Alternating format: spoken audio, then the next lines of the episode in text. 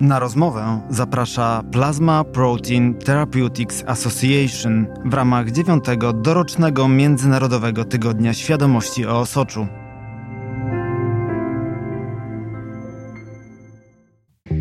To jest audycja Rzeczpospolitej. O tym się mówi.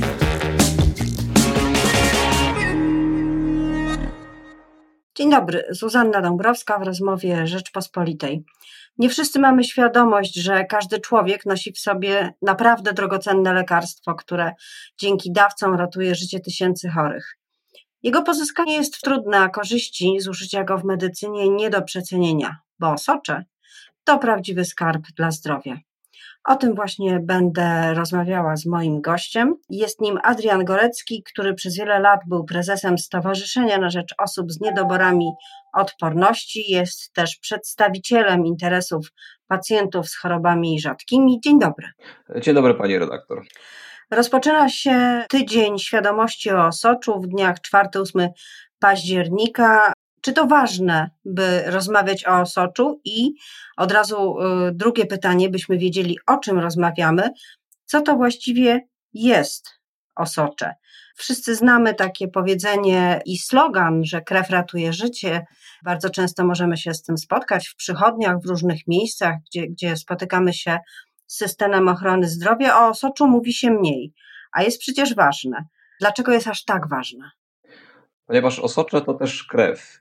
Trzeba o tym pamiętać, że jakby osocze jest kluczowym składnikiem ludzkiej krwi. W zasadzie większość naszej krwi to właśnie osocze, bo 55%. I oczywiście osocze też jest kluczowe, kluczowe w leczeniu, kluczowe w ratowaniu życia. W zasadzie e, tak samo ważne jak, jak krew. Jeśli chodzi o to, czym jest samo osocze, to tak jak już wspomniałem, jest to składnik krwi, składnik y, płynny, który transportuje przede wszystkim białka. E, białka, które są kluczowe dla podtrzymywania e, funkcji życiowych naszego organizmu, ale też chociażby za białka zawarte w osoczu, składniki osocza odpowiadają innymi za takie procesy jak krzepnięcie krwi, czy też e, walka z infekcjami. Dlatego oddając osocze, osoby oddają tak naprawdę część swoich bardzo istotnych białek, które mogą pomóc e, innym osobom. Także tak, osocze jest co najmniej tak samo ważne jak pełna krew oddawana tak chętnie przez Polaków. Ile, jak można oszacować liczbę tych osób, które z powodu pierwotnych niedoborów odporności powinny otrzymywać terapię lekami osoczopochodnymi. Czy to jest duża grupa i w takim razie w jaki sposób pozyskiwać taką ilość osocza, jaka, jaka tej grupie jest w stanie pomóc? Jeśli chodzi o same pierwotne niedobory odporności, to jest to oczywiście tylko jedna z grup e, schorzeń, które są leczone produktami wytworzonymi z osocza. Jeśli chodzi o niedobory odporności w Polsce, mówiąc tutaj o pierwotnych niedoborach odporności, czyli tych wrodzonych, uwarunkowanych genetycznie, no to obecnie leczy się w Polsce kilka tysięcy osób. Według statystyk powinno być ich jednak co najmniej kilkanaście tysięcy.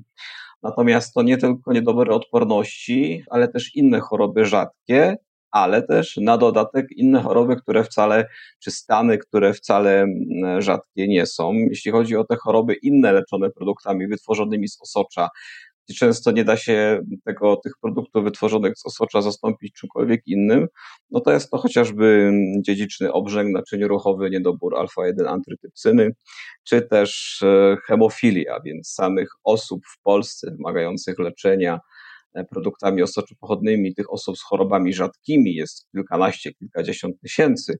Natomiast no, trzeba pamiętać, że osocze to nie tylko, czy produkty osoczopochodne to nie tylko leczenie chorób rzadkich, ale też tak naprawdę wielu stanów dosyć powszechnych, na przykład oparzeń, e, ciężkich stanów w ogóle zdrowia, ale też niedoborów odporności wtórnych nabytych, więc e, są to absolutnie dziesiątki, jeśli nie setki tysięcy osób w Polsce, które corocznie korzystają właśnie z e, produktów osoczopochodnych, które ratują ich zdrowie oraz życie.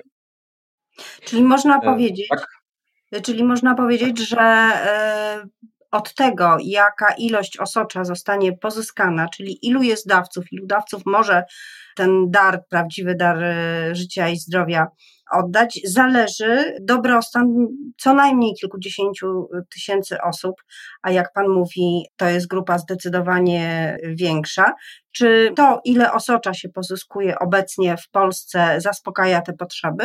tak dużej grupy osób, pacjentów? Generalnie można powiedzieć, że w Polsce osocza e, powinno być nieco więcej, znaczy osoby, czy poziom dawstwa osocza powinien być większy. Natomiast nie tylko w Polsce, ale jest to w zasadzie problem ogólnoeuropejski, ogólnounijny też. To znaczy w ramach zarówno kontynentu, jak i Unii Europejskiej statystyki pokazują, że polegamy na, e, również na osoczu importowanym ze Stanów Zjednoczonych, czyli pochodzącym właśnie od dawców ze Stanów, a nie tylko od dawców z Europy. No na ten moment, jeśli chodzi o statystyki unijne, to 30% to jest osocze, które jest, e, czy leki pozyskane z osocza importowane z, ze Stanów Zjednoczonych. Także mniej więcej jedna trzecia to są donacje pochodzące od podmiotów e, państwowych, kolejna jedna trzecia od podmiotów prywatnych, natomiast tak jak już wspomniałem, spora część osocza w Europie pochodzi ze Stanów Zjednoczonych, więc jako zarówno jako kraj, jak i jako kontynent ciągle w dużej mierze polegamy właśnie na dawcach z oceanu. Poza tym e, głośno było w tym czasie pandemicznym o tym, że osocze może być stosowane także do leczenia części pacjentów chorych na COVID-19, zakażonych wirusem. Poza tym też w innych krajach, z tego co wiadomo, e, osocze jest stosowane do terapii chorych onkologicznie, co jest w pełni refundowane. W Polsce jeszcze niezupełnie, czyli to zastosowanie osocza e, jest e, przyszłościowe, ten zakres się rozszerza, prawda? Tak, zakres zastosowania leków produkowanych z osocza e, jakby jest coraz szerszy. To znaczy, to nie tylko właśnie pierwotne niedobory odporności, ale też niedobory odporności nabyte, czyli wtórne. I tutaj dotykamy tak naprawdę bardzo szerokiej grupy osób, chociażby tych e, leczonych chemioterapią, czyli osób z chorobami nowotworowymi, gdzie układ odpornościowy jest po prostu osłabiony. E, są to też osoby z e, innymi nabytymi niedobrami odporności, chociażby takie, które są leczone immunosupresyjnie, czyli w jakiś sposób wygasza się ich układ odpornościowy, po to, by na przykład przeciwdziałać chorobie autoimmunologicznej, czy przeciwdziałać odrzuceniu przeszczepu, Natomiast w efekcie ta odporność jest osłabiona i w, tej, w, tej, w tym momencie wkraczają tutaj leki osoczopochodne w Polsce również w tych wskazaniach. Zaczyna się już je stosować, czy w zasadzie powinienem powiedzieć, co stosuje się je coraz powszechniej. E, ciągle te nowe choroby są tak naprawdę sprawdzane pod kątem tego, czy leki osoczopochodne e, będą na, na danym polu skuteczne. Także tak, absolutnie ten zakres się rozszerza i wszystkie prognozy, które są dostępne w opracowaniach naukowych na ten moment, mówią, że e, niezależnie od wszystkiego to e, zapotrzebowanie będzie rosnąć. No, tak jak pani redaktor wspomniała, pandemia pokazała, że Osocze może również służyć do leczenia e, takich chorób jak chociażby COVID-19. Dzieje się tak, że czasem coś, co jest dużym zagrożeniem zdrowotnym, jednak także przy okazji zwiększa świadomość i tak chyba było z pandemią i z lekami osoczopochodnymi, chociaż i tak myślę, że świadomość dotycząca honorowego dawstwa krwi jest znacznie wyższa niż świadomość dotycząca osocza i potem korzyści z leków osoczopochodnych, ale jednak no, różnica jest ogromna. Czy można e, porównać poziom oddawania e, osocza i oddawania krwi w Polsce? Jeśli chodzi o porównanie, mm, to myślę, że najlepiej byłoby, najciekawiej byłoby porównać te poziomy do poziomu w innych krajach. W innych krajach natomiast warto sięgnąć do krajów, które mają, myślę, że zbliżoną e, sytuację gospodarczą, społeczno-polityczną, historyczną do Polski. I w raporcie, który przygotowaliśmy jako fundacja, e, porównaliśmy te poziomy do poziomów oddawania osocza i krwi w Czechach oraz na Węgrzech. Jeśli chodzi o, o honorowe dawstwo krwi, to Polska jest na podobnym poziomie, zarówno jak Czechy, jak, czy, czy jak Węgry. Natomiast jeśli chodzi o Socze, to te statystyki tutaj się różnią. No, w Polsce w 2020 roku, w 2019 roku, bo takie dane mieliśmy dostępne, pobierało się 8 litrów osocza na 1000 mieszkańców rocznie, no a w Czechach było to 45 litrów, na Węgrzech 41 litrów na 1000 mieszkańców. To pokazuje, jaki ogromny potencjał jest w Polsce do tego, żeby e, to osocze pobierać e, i móc z tego osocza produkować leki, które będą ratować e, życie nie tylko Polaków, ale pewnie i również uzupełniać to europejskie czy nawet globalne zapotrzebowanie na, na osocze bo to jest inaczej niż w przypadku krwi. Sytuacja jest inna niż w przypadku krwi. Osocze jest y, czymś, co tak naprawdę jest globalne. No chociażby ten przykład importu ze Stanów Zjednoczonych pokazuje, że to mm, jakby jesteśmy w stanie też jako na przykład kraj nie tylko pomóc sobie, ale również w jakiś sposób pomóc y, naszym sąsiadom, innym krajom właśnie w dostępie do, do produktów osoczopochodnych. A więc tak, y, jeśli chodzi o świadomość, to na pewno pandemia sprawiła, że ludzie kojarzą termin osocze, natomiast e, jeśli chodzi o system poboru osocza w Polsce, to jakby de facto nigdy nie było to osobno promowane. Natomiast sytuacja na świecie pokazuje, że żeby zadbać o e, własne bezpieczeństwo, ale móc też pomóc innym, tą świadomość na temat oddawania osocza i tego, co z tego osocza można uzyskać, po prostu należy zwiększać. Jak można ją zwiększać? Co robić? Bo y, rozmawiamy y, w ramach y, tygodnia właśnie podnoszenia świadomości w sprawie osocza. To jest taka klasyczna akcja uświadamiająca, uwrażliwiająca jakie jeszcze działania można podejmować i przede wszystkim, gdyby ktoś chciał, jak może się dowiedzieć o tym dokładniej, czym jest osocze, w jaki sposób działa, e, w jaki sposób działają leki e, i wszystkiego tego, co wiąże się z, z takimi terapiami. Generalnie, jeśli chodzi o świadomość, to e, jakby zanim przejdę do jakichś konkretnych przykładów, to jest taki, taka jedna statystyka, która zawsze myślę, że dobrze oddziałuje na świadomość e, tego, e, w jaki sposób osocze pomaga ludziom. E, wspomniałem właśnie o leczeniu niedoboru odporności, wspomniałem o leczeniu hemofilii. No więc, aby jeden pacjent z hemofilią mógł być leczony przez rok, potrzeba 1200 dawców. Jeżeli, aby jeden pacjent z niedoborem odporności mógł być leczony przez rok, to przeciętnie potrzeba 130 e, donacji osocza. E, mówię to oczywiście o donacjach osocza, nie o osobnych dawcach, natomiast e, no, są to liczby bardzo duże. To znaczy naprawdę wielu ludzi musi przyjść E, gdzieś do punktu krwiodawstwa, e, oddać to osocze, aby taka osoba e, mogła po prostu żyć. Mówię to też w swoim imieniu, bo sam akurat jestem pacjentem z niedoborem odporności, no i bez tych leków E, absolutnie nie mógłbym e, żyć w ogóle. To nie chodzi o to, że żyć normalnie, czy móc funkcjonować w społeczeństwie. Nie, prawdopodobnie bym umarł, jak wielu pacjentów właśnie z tymi chorobami. Więc absolutnie wielu ludzi mm, e, musi z własnej dobrej woli przyjść i oddać osocze, byśmy my, pacjenci, mogli żyć. Jeśli chodzi o źródła, z których można czerpać informacje na temat osocza, produktów osoczopochodnych, poznać historię E, pacjentów, poznać historię dawców z całego świata, to na przykład istnieje polska wersja strony howisyourday.org. E, ta polska wersja jest dostępna pod adresem howisyourday.org ukośnik.pl. E, tam można właśnie poznać rozmaite historie, dowiedzieć się więcej na temat tego, jak osocze jest wykorzystywane w leczeniu pacjentów. Istnieje też inna inicjatywa, która znowuż ma na celu jakby e, szerzenie świadomości wśród głównie decydentów. Na temat osocza można tam podpisać petycję. Jest to strona it's in us all to save life.org e. Mm, jest e, też również w sieci dostępny raport, o którym wspominałem, raport, który przygotowała E, nasza fundacja, e, Fundacja Edu Institute i ten raport jest e, dostępny na stronie www.osoczewpolsce.pl i właśnie z tego raportu można poznać zarówno więcej statystyk, jak i dowiedzieć się, w jaki sposób to osocze jest w Polsce pozyskiwane, oddawane, ile tego osocza można zebrać w końcu, jak wypadamy na tyle innych krajów w Unii Europejskiej. Także to są te strony, te adresy internetowe, gdzie tych informacji na temat osocza można poznać więcej.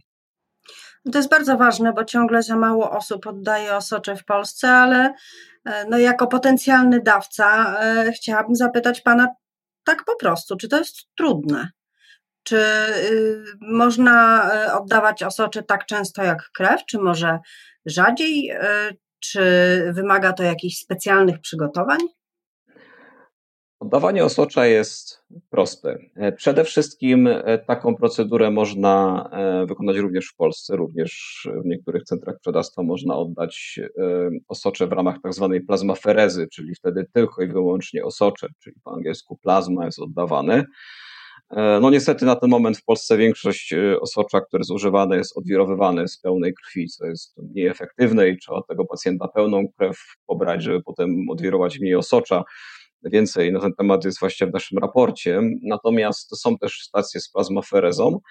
Ta plazmafereza, o której tutaj mówię, może być wykonywana częściej, ponieważ y, może być wykonywana nawet y, dwa razy w tygodniu. To oczywiście w USA, w Polsce mm, przyjmuje się, że jest to raz na e, dwa tygodnie.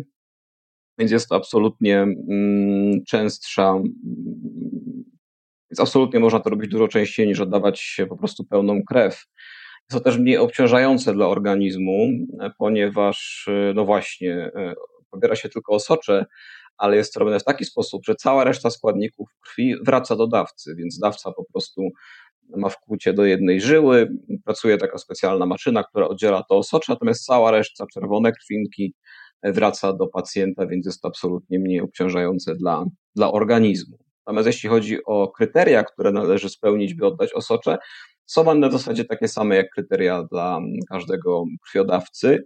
E, trzeba przyznać, że one przynajmniej w Polsce i w większości krajów europejskich są absolutnie rygorystyczne. Tam jakby naprawdę wiele warunków należy spełnić, aby móc oddać krew czy osocze.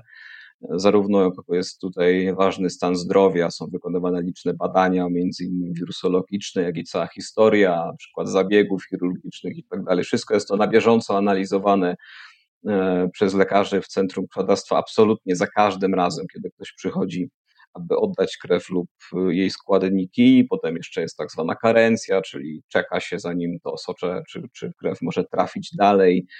E, po to, żeby ewentualnie w tym czasie mogło się u pacjenta jakieś, no nie daj Boże, choroby ujawnić. Także absolutnie sam proces poboru osocza e, w Polsce i, i tak naprawdę w wielu krajach e, europejskich jest bardzo, bardzo mm, ściśle obwarowany przepisami, przestrzegany. Jest to wszystko maksymalnie bezpieczne. To ważne, maksymalnie bezpieczne, maksymalnie bezpieczne zarówno dla e, jakby kogoś, kto potem to socze w formie leku otrzyma, ale również e, tak naprawdę wiele wysiłku jest składane w to, żeby ten proces był bezpieczny dla dawcy. Reasumując, jeśli ktoś chce oddać osocze, wystarczy, że zgłosi się do mm, swojego regionalnego centrum krwiodawstwa, zapyta o taką możliwość. Natomiast należy pamiętać, że to lekarz w centrum krwiodawstwa podejmuje ostateczną decyzję, to znaczy on podejmuje decyzję, czy jest potrzebne osocze, e, więc zostanie wykonana plazmafereza i czy w obecnym stanie zdrowia, stanie żył na przykład takiego pacjenta, takiego dawcy, mówimy tutaj o dawcy, będzie ta plazmafereza po prostu e, możliwa. Ale tak, jakby skracając tutaj odpowiedź do jednego zdania, wystarczy pójść do centrum krwiodawstwa, przejść kwalifikacje, przejść badania i można zostać dawcą osocza.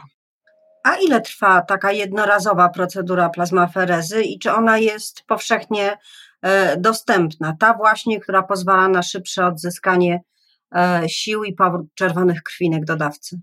Procedura plazmaferezy trwa dłużej niż oddanie krwi pełnej. Oddanie krwi pełnej trwa około kwadransa.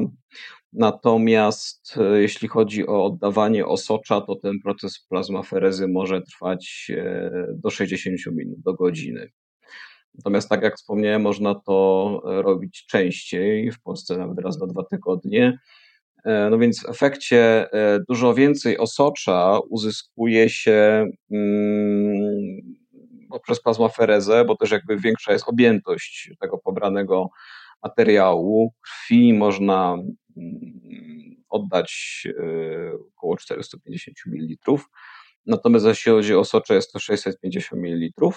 Można to robić częściej. Jest to oczywiście o wiele bardziej wydajne, jeżeli chcemy z tej krwi pełnej potem uzyskać osocze, to jakby się w ogóle w jakimś sensie czasowo, ekonomicznie, zdrowotnie nie opłaca, ponieważ jakby jest to bardziej obciążające dla pacjenta, a jakby my uzyskujemy tylko mały wycinek tego e, z tej odwirowanej krwi. Jeśli chodzi zaś o osocze, o plazmaferezę, no to jest to jakby proces najbardziej e, wydajny. E, jest on oczywiście dostępny e, w polskich centrach krwiodawstwa. No i najpewniej, aby tego osocza było więcej, no to te e, możliwości plazmoferezy gdzieś tam powinny być w przyszłości zwiększane. A jak ten system powinien wyglądać? Czy to powinien być, czy powinien być rozszerzany publiczny system w oparciu o centra krwiodawstwa, czy powinny być prywatne placówki, które E, stosują plazmaferezę w celu pozyskiwania e, osocza. Jak jest w innych krajach? Pan e, ma pełen przegląd sytuacji, zresztą też informacje na ten temat są zawarte w raporcie, o którym Pan wspominał. Jeśli chodzi o systemy oddawania osocza i jego przetwarzania, mm, to to jest tak naprawdę są całe ekosystemy. Całe ekosystemy wielu czynników, tak naprawdę każdy kraj w Europie, jeśli spojrzy się na te kraje mm, w Unii, ale też inne kraje zresztą poza Unią na świecie, każdy kraj do tego podchodzi inaczej. Podszedł jakby swoją drogą, wypracował sobie przez lata swoją drogę. I tak na przykład istnieją kraje, gdzie to socze jest pobierane wyłącznie przez podmioty publiczne i przetwarzane wyłącznie przez podmioty publiczne. I takim krajem bodaj jedynym E, na świecie, albo jeden z niewielu na świecie jest Francja. E, są kraje, gdzie te systemy są mieszane, gdzie zarówno podmioty publiczne mogą pobierać i przetwarzać osocze, jak i podmioty prywatne. Tak jest na przykład e, w Niemczech. Są też kraje, które udostępniły w całości de facto rynek osocza i produktów osocza pochodnych podmiotom prywatnym. No i takim przykładem jest Republika Czeska. Mm, jakby te systemy są bardzo różne. Każdy kraj e, tak naprawdę decyduje, decydenci w każdym kraju mają jakieś swoje priorytety i na tym podejmują decyzje dotyczące tego, jak taki system ma e, wyglądać. My tylko pokazujemy w tym raporcie tak naprawdę wydajność tych systemów, jakby możliwości zapełnienia sobie e, powiedzmy teoretycznej samowystarczalności, czy tego właśnie uzupełniania światowego zapotrzebowania na osocze. Ja nie wiem, czy jest jeden idealny, najlepszy system. No, to jest decyzja oparta na, tak naprawdę na wielu czynnikach, na chociażby wydajności systemu, który jest obecnie, na potencjale dawców.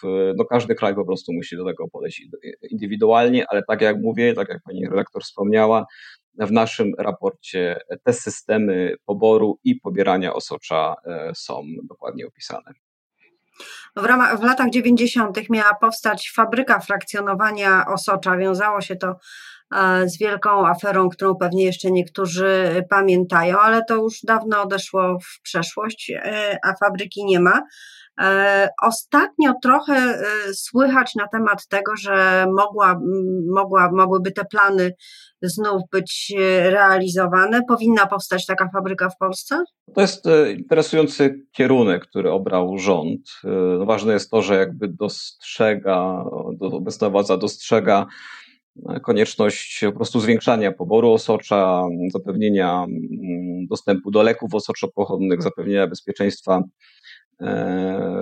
pacjentów, no bo tak jak już wspomnieliśmy, to zapotrzebowanie absolutnie rośnie i będzie rosło i jakby tutaj przed tym ucieczki nie ma. E, no jeżeli powstanie taka fabryka, to ona też na pewno w jakiś sposób zapewni e, bezpieczeństwo, chociażby w takich sytuacjach jak e, no, niedoboru leków. W przypadku pandemii mieliśmy taką sytuację wciąż do pewnego stopnia w jakimś sensie się z tym zmagamy. Natomiast tutaj myślę, że warto zwrócić uwagę na dwie kwestie, które są bardzo istotne w tym kontekście. No przede wszystkim, jeżeli myśli się o budowie fabryki, no to ta fabryka musi mieć co przetwarzać.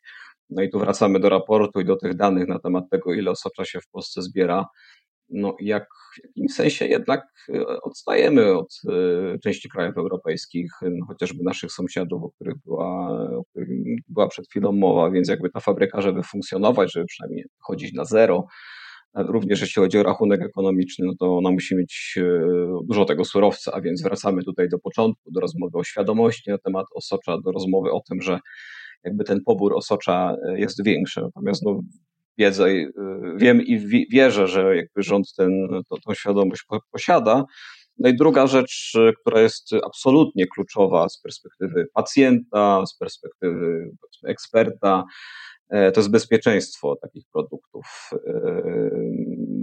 To jest coś, co zawsze będzie kluczowe dla pacjentów, to jest coś, na co pacjenci będą zwracać uwagę absolutnie za każdym razem w pierwszej kolejności.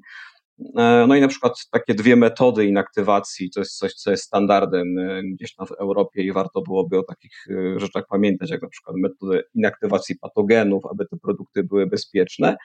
Natomiast też jestem przekonany, że absolutnie wszystkim zależy na tym, żeby te produkty były bezpieczne, zarówno decydentom, zarówno lekarzom, którzy leczą pacjentów, no jak i samym pacjentom, więc jakby tu absolutnie wszyscy jesteśmy myślę, że zgodni, że te leki powinny być e, absolutnie wyjątkowo bezpieczne. Ale jak powinna ta procedura wyglądać, żeby takie poczucie było powszechne? No, wiadomo, jaka jest procedura przy pobieraniu e, oddawców e, krwi. E, ona jest dosyć skomplikowana, ale nie na tyle, żeby zniechęcała dawców. A jak jest z osoczem? Jeśli chodzi o, o osocze, no to jeśli chodzi o procedurę kwalifikacji, to tak jak mówię, ona jest e, absolutnie e, bardzo podobna, jeśli nie taka sama w wielu przypadkach, jak procedura kwalifikacji dawcy do e, oddania krwi. E, tak jak już wspomniałem, jest to wieloetapowy proces, jest tam kwestionariusz zdrowia, jest e, kwestionariusz epidemiologiczny, jest szereg badań. E, za każdym razem, kiedy ktoś przychodzi oddawać krew czy osocze, jest badany.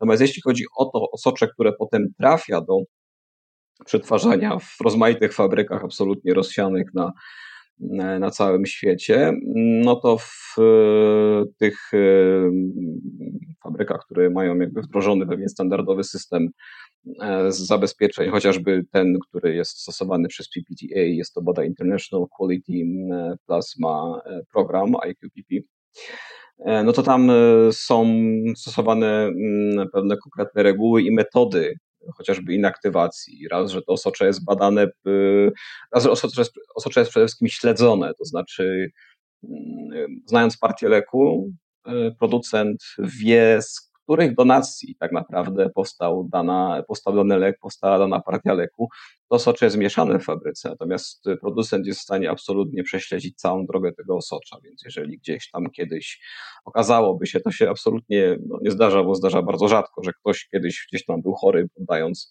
to osocze, to absolutnie można to prześledzić yy, co do partii. Natomiast są stosowane rozmaite metody inaktywacji patogenów, potencjalnych patogenów, które tam mogły się przedostać przez to sito e, tej wstępnej weryfikacji w centrach e, krwiodawstwa, po to, aby inaktywować ewentualne patogeny, które się tam znajdują, patogeny o jakichś konkretnych parametrach, więc zarówno na przykład znane nam wirusy czy bakterie, ale również te, no, potencjalnie, o których jeszcze nie wiemy, ale jakby ciągle spełniają te parametry. Tak? Więc jest inaktywacja, potem jest proces tak zwanej nanofiltracji, czyli dodatkowo się filtruje te e, uzyskane osocze czy produkty tak, aby je żadnych zanieczyszczeń tam nie było. Tak naprawdę jakby w ostatnich dziesięcioleciach e, już nie występują incydenty z tym związane, bezpieczeństwa, te leki są absolutnie bezpieczne e, na, jakby na poziomie europejskim czy w Stanach Zjednoczonych.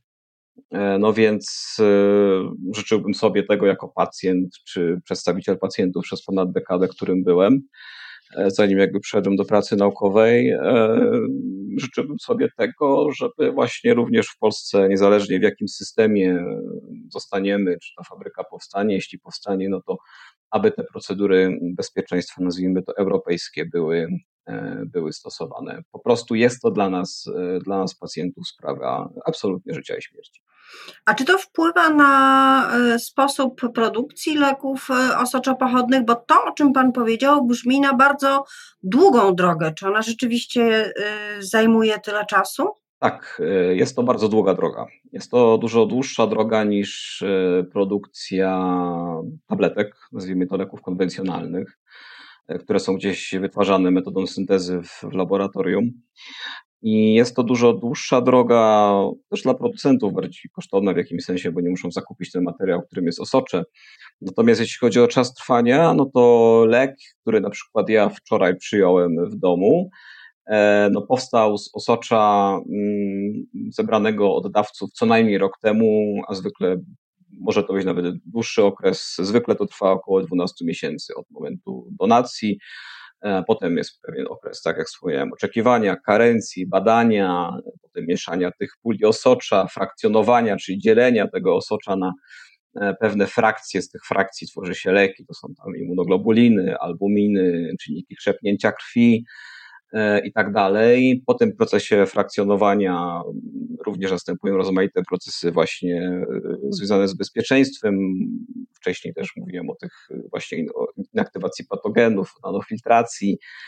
Potem dopiero jest jakby to, e, co znamy z, tak, z, filmów czy z fabryk, czyli właśnie dopiero pakowanie, nalewanie tego do fiolek i wysyłka gdzieś do, do pacjentów, więc ten proces jest bardzo skomplikowany.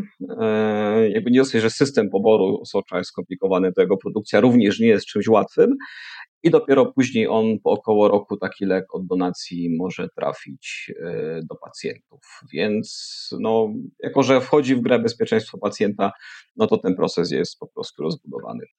Czyli e, na koniec naszej rozmowy uporządkujmy tę drogę, bo z tego, co Pan mówił, e, rysuje się taka kolejność, czyli zwiększenie świadomości w sprawie osocza. Od tego trzeba zacząć. E, na skutek tego e, zwiększenie donacji, zwiększenie ilości pozyskiwanego osocza i, i równoczesne rozpoczęcie drogi technologicznej w różnych wariantach do odpowiedniego frakcjonowania i produkcji leków osoczopochodnych, tak, żeby ci pacjenci, którym te leki są potrzebne, mogli je przyjmować i żeby było zapewnione bezpieczeństwo w kraju y, na wypadek zwiększonego zapotrzebowania, na przykład na skutek pandemii. Czy y, dobrze zrozumiałam tę drogę, którą Pan opisał, odpowiadając na moje pytania? Tak, dokładnie tak. E, też podsumowując w paru słowach, rzeczywiście zaczyn, powinniśmy zacząć od budowania świadomości na temat tego, czym jest osocze i że można je oddawać, e, co przełoży się i powinno się przełożyć na zwiększenie poboru tego osocza, jeżeli chcemy jako kraj myśleć o własnym bezpieczeństwie oraz móc zapewnić na przykład to bezpieczeństwo krajom ościennym czy jakimkolwiek innym wybranym przez nas. E, potem kolejny krok to de facto wybór całego systemu, e, pozyskiwania tego osocza, jego przetwarzania. E, no i w ramach tego systemu zapewnienie bezpieczeństwa, zarówno bezpieczeństwa pod kątem bezpieczeństwa samych leków, jak i później bezpieczeństwa dostaw. Więc tak ten proces właśnie, jak pani redaktor opisała, tak on mniej więcej wygląda i jeżeli chcemy myśleć o zwiększeniu poboru osocza, o zwiększeniu bezpieczeństwa polskich pacjentów, no to gdzieś przez te wszystkie kroki należałoby przejść. Pamiętajmy więc, że od osocza zależy e, życie. O Międzynarodowym Tygodniu Świadomości o osoczu i o tym, jak jest to ważna i życiodajna substancja, rozmawiałam z Adrianem Goreckim. Bardzo panu dziękuję za rozmowę. Dziękuję pani redaktor. Na rozmowę zaprosiła Plasma Protein Therapeutics Association w ramach dziewiątego dorocznego Międzynarodowego Tygodnia Świadomości o Osoczu.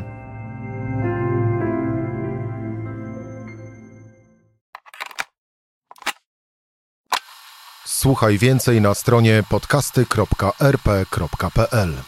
Szukaj Rzeczpospolita Audycje w serwisach streamingowych.